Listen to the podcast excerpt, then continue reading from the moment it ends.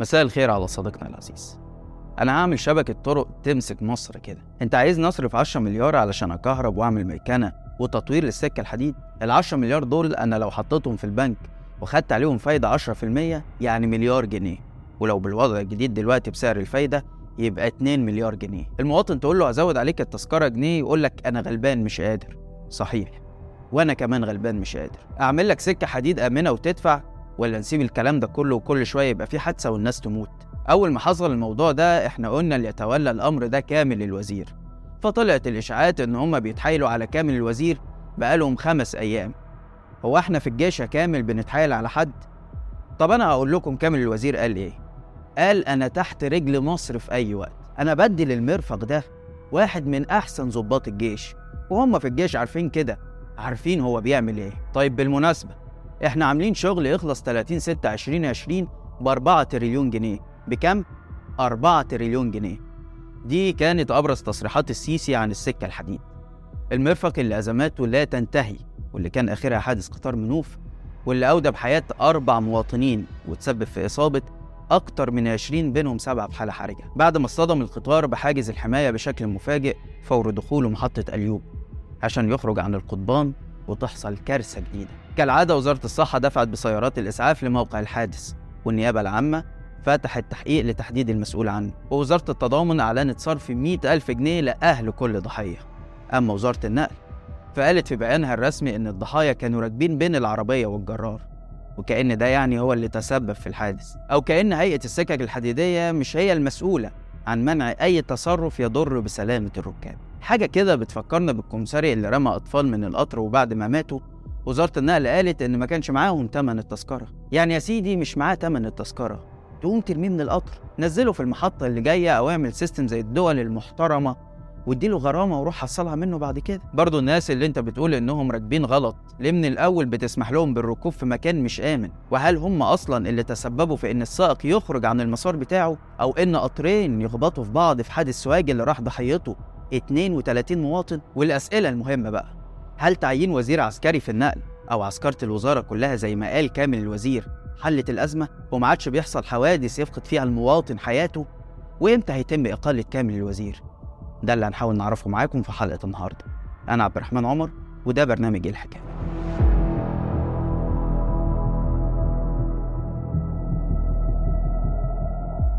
أنا بقول لك هعمل لك شبكة طرق في خلال سنة تمسك مصر كده. أنا بقول أنا بقول. تقول لي أنا هصرف 10 مليار عشان أكهرب وأعمل ميكنة. ال 10 مليار دول لو أنا حطيتهم في البنك هيجي لو خدت عليهم فايدة 10% يعني مليار جنيه. ولو بالوضع الجديد اللي موجود دلوقتي بسعر الفايدة يبقى 2 مليار جنيه. ولما نيجي نقول له أنا هزود عليك التذكرة جنيه يقول لك أنا غلبان مش قادر. صحيح. وأنا كمان غلبان مش قادر. ما إحنا ممكن نسيب الكلام ده كله وكل شوية يبقى في حادثة وناس تموت وخدمة تبقى مش مظبوطة. أنتوا عايزين أنهي واحدة فيهم؟ أهلا بيكم. صباح يوم 27 فبراير 2019 فوجئ الركاب في محطة مصر بصوت اصطدام عنيف. وبعدها بلحظات حصل انفجار ضخم واندلعت النيران في كل مكان. وسط أصوات الصراخ والاستغاثة شاهد عيان حكى إنه الارتباك كان سيد الموقف. والرعب كان شعور كل الموجودين في موقع الحادث. مصطفى وده اسمه وصف المشهد بإنه نار بتاكل كل اللي قدامها. الناس كانت بتجري عليك والنار ماسكة فيها وتقول لك الحقني. صوت ضحك الناس في الكافيتيريا اتقلب فجأة بقى صويت وعياط. بيحكي إنه شاف راجل مسن النار مسكت في جسمه وبعد ما ساعده وغطاه بجاكيت وبطانية لقاه بيقول كان معايا ولادي. محمد ومروة فين؟ عاوز أشوف عيالي. حاول يهديه وخد منه أوصاف الأطفال وبدأ هو وكمساري كان موجود يدوروا عليهم. فعلا لقوهم بس كانوا مرميين على الرصيف ومتغطين ببطانية. مصطفى ما قدرش يعمل حاجة غير إنه قعد جنبهم يعيط وقال اتمنيت إن أموت ولا أشوف المشهد ده. في كل حتة طول ما أنت ماشي كان في جثث متفحمة لناس ملهاش ذنب وممكن كنت أكون أنا منهم أو حد من أهلي. وزير النقل وقتها هشام عرفات قدم استقالته فورا والحكومة صرفت 80 ألف جنيه لأهل كل ضحية والنيابة العامة فتحت التحقيق كالعادة. وطلع سائق القطار في لقاء تلفزيوني يتحمل المسؤولية عن الحادث وحكى إنه شغال بقاله 26 سنة في هيئة السكك الحديدية ووظيفته بتتمثل في جر الجرار من المحطة لورشة الصيانة. بس اللي حصل وقت الحادثة إنه هو ماشي خبط في جرار تاني ودخل في مشاجرة مع السواق بتاعها. وأثناء المشاجرة اتحرك القطار لوحده علشان يصطدم في الجدار الخرساني وينفجر خزان الوقود. بس كلام السواق نبه الناس لحاجات كتير جدا. زي مثلا إنه كان مفروض يكون معاه مساعد عشان لو حصل للسواق أي حاجة يقدر المساعد إنه ينقذ الموقف. بس ده ما بيحصلش بسبب قلة عدد السواقين. وكمان إن القطارات والجرارات قديمة ومتهالكة. وقال بالظبط كده إنه لو كان سليم ما كانش اتحرك لوحده. السواق والفنيين والموظفين مفيش شك إن عليهم مسؤولية. إنما فكرة إنهم يشيلوا الليلة لوحدهم دي مش منطقية ابدا. يعني مثلا السواق ده اتحاكم وخد 15 سنة سجن بالإضافة لغرامه حوالي 9 مليون جنيه. وخمسة من زملائه خدوا أحكام تراوحت بين 10 سنين لثلاث سنين سجن. المصريين وقتها بدأوا يناقشوا موضوع تطوير السكك الحديدية عشان نتفادى وقوع حوادث تاني. ولقوا إن المسؤولين في الوزارة كانوا طالبوا السيسي ب 100 مليار جنيه علشان ينفذوا التطوير ده. بس السيسي قال لهم المنظومة دي مش هتطلع لي عائد مادي. أغلبية اللي بيركبوا القطارات غلابة. وقام قايل ده أنا لو حطيت ال 10 مليار اللي أنتوا عايزينهم عشان الكهرباء والميكنة في البنك هيطلعوا لي 2 مليار جنيه في السنة. وكأن يعني مشاريع السيسي العملاقة بتطلع حاجة للبلد.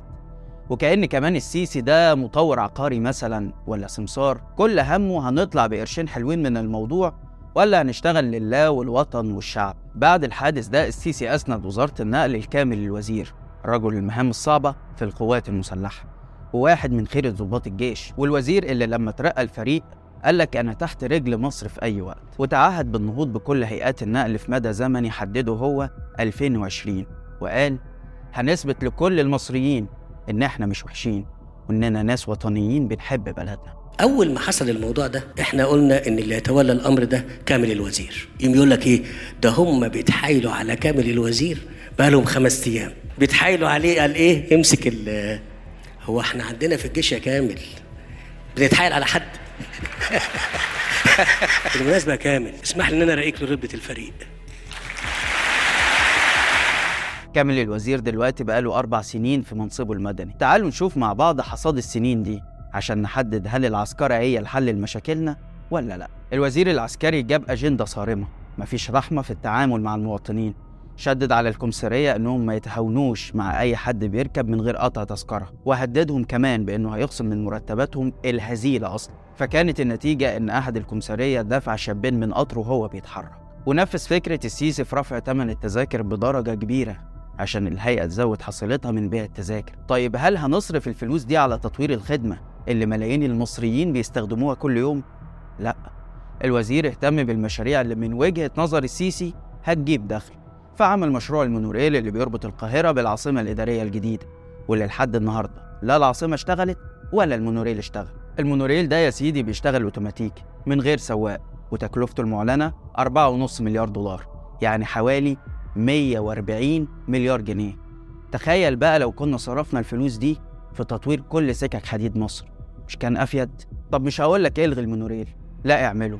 وكلنا نتمنى إنه يكون مشروع كويس ويطلع فعلا ضروري لربط العاصمة القديمة بالجديدة. ما هو أكيد مش كل الناس هتقدر تروح تعيش في العاصمة الجديدة بالأرقام اللي بنسمعها عن الوحدات السكنية هناك. بس وأنت بتعمل مونوريل ب 140 مليار جنيه طور للغلابة قطوراتهم ب 100 مليار جنيه بس. لكن الفكرة عند السيسي مختلفة شويتين. هو بيفكر إن أنا لما أقدم خدمة مميزة وآمنة للأغنياء اللي يقدروا يدفعوا فأنا كده هكسب. لكن الفقراء بقى ما بيجيش من وراهم غير وجع القلب. كامل يقول لي التذكرة بجنيه. طب زودها؟ أقول له لا ما تزودهاش. ليه؟ ليه يا دكتور مصطفى؟ ليه يا كامل بقول لك ما تزودهاش؟ لا سيادتك ما قلتليش كده يا فندم. لا لا لا ليه؟ نفس الكلام لما راح عمل صفقة قطورات تالجو الأسبانية جاب ست قطورات وطلع قال لنا إن تكلفتهم 126 مليون دولار وإن هو فاصل مع رئيس الشركة اللي نزل له السعر من 141 مليون دولار عشان خاطر عيون السيسي. صحفيين مصر الشطار دخلوا على موقع الشركة الإسبانية ولقوهم كاتبين إن الصفقة تكلفتها 158 مليون يورو. أصل الوزير نسي إن إسبانيا بتتعامل باليورو مش بالدولار.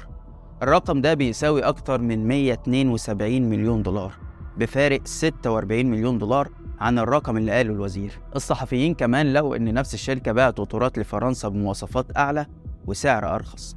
هل كامل الوزير يسكت أو يطلع يصحح المعلومات اللي قالها؟ الحقيقة لأ. راح البرلمان وهاجم اللي انتقدوه وقال لهم إحنا مش سماسرة وما عندناش حاجة نخاف منها. وقال إن المبلغ الباقي ده قيمة عقود صيانة لمدة 15 سنة وإن رئيس شركة تالجو أهدى لينا قطار مجاني فوق البيع. بس الصحفيين رجعوا تاني وكشفوا إن القطار ده كان تعويض عن تأخر الشركة في تسليم القطورات.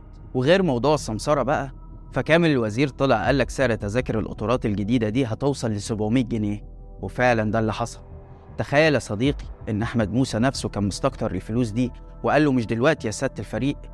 بس سيادة الفريق قال له لأ دلوقتي يا أستاذ أحمد.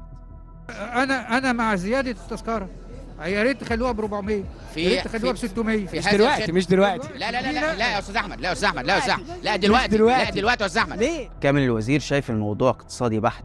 مش مهم أوفر للمصريين خدمة عالية بتكلفة معقولة.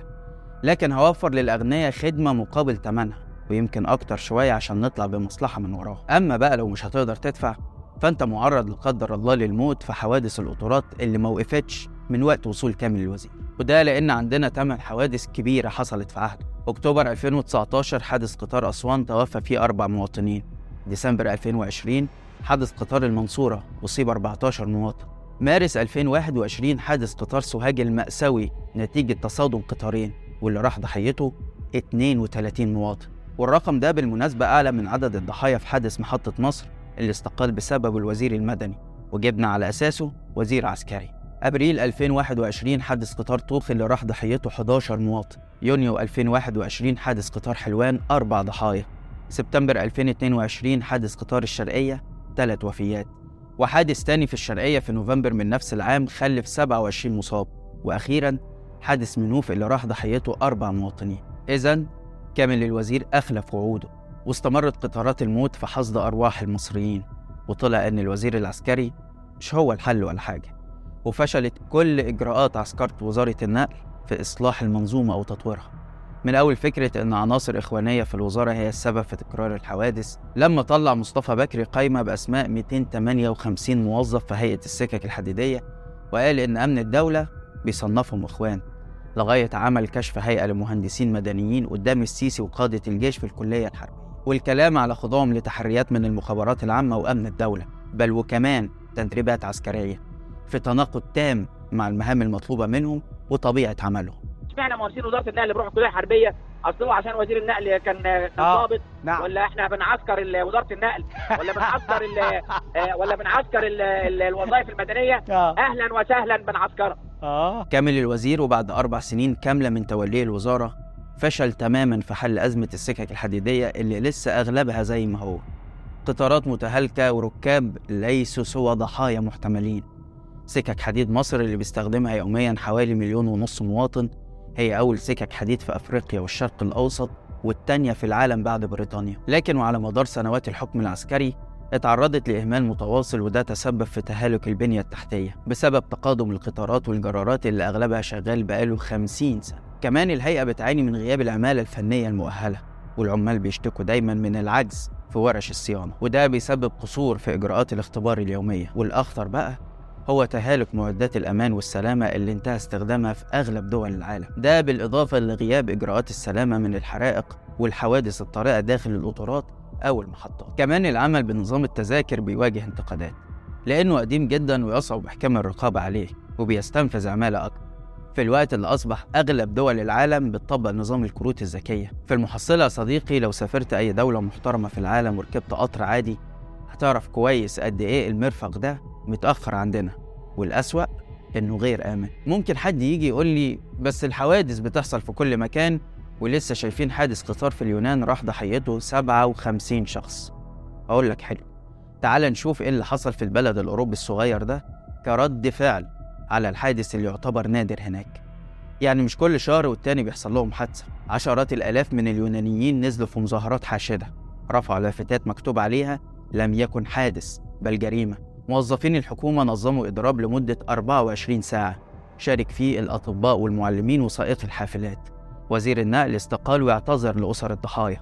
ورغم كده المظاهرات طلبت أعلى راس في البلد اللي هو رئيس الوزراء بالاستقالة هو كمان. خطوط السكة الحديد اتشلت تماما وتم إيقافها. والوزير الجديد قال نصا لن ينطلق أي قطار مجددا إذا لم نضمن أقصى مستوى ممكن من إجراءات السلامة فهل نقدر نقارن ده برد الفعل اللي بيحصل عندنا بعد كل حادث قطار؟ طبعا لا. الصورة مختلفة تماما. إحنا وصلنا مرحلة تطبيع مع حوادث القطورات بقت خلاص جزء من حياتنا اليومية. الواحد بيبقى رايح يحجز تذكرة وهو خايف إنها تكون آخر تذكرة. بيركب القطر وهو مش ضامن إنه ينزل منه سليم. في النهاية لا يسعني سوى تقديم خالص العزاء. لكل الضحايا في حادث منوف وفي غيرها من الحوادث وكل أمنياتي بالشفاء لجميع المصابين والأهم نتمنى إنها تكون آخر الحوادث. بس كده. بشكركم طبعا من كل قلبي على التفاعل الكبير مع الحلقات اللي فاتت. عايز أقول لكم إني بقرأ كل تعليقاتكم وبرد عليها على قد ما أقدر. وبتابع اقتراحاتكم كمان للمواضيع اللي عايزيننا نتناولها في الحلقات الجاية. لحد هنا والحلقة خلصت. لو الحلقة عجبتك اعمل like و share واشترك في القناة عشان يوصلك كل جديد. وما تنساش إنك تقدر تسمع البرنامج بتاعنا بودكاست من الروابط اللي هتلاقيها في التعليقات. واستنانا كل يوم اثنين وجمعة الساعة 8 بالليل بتوقيت القاهرة في حلقة جديدة من برنامج إيه الحكاية. سلام.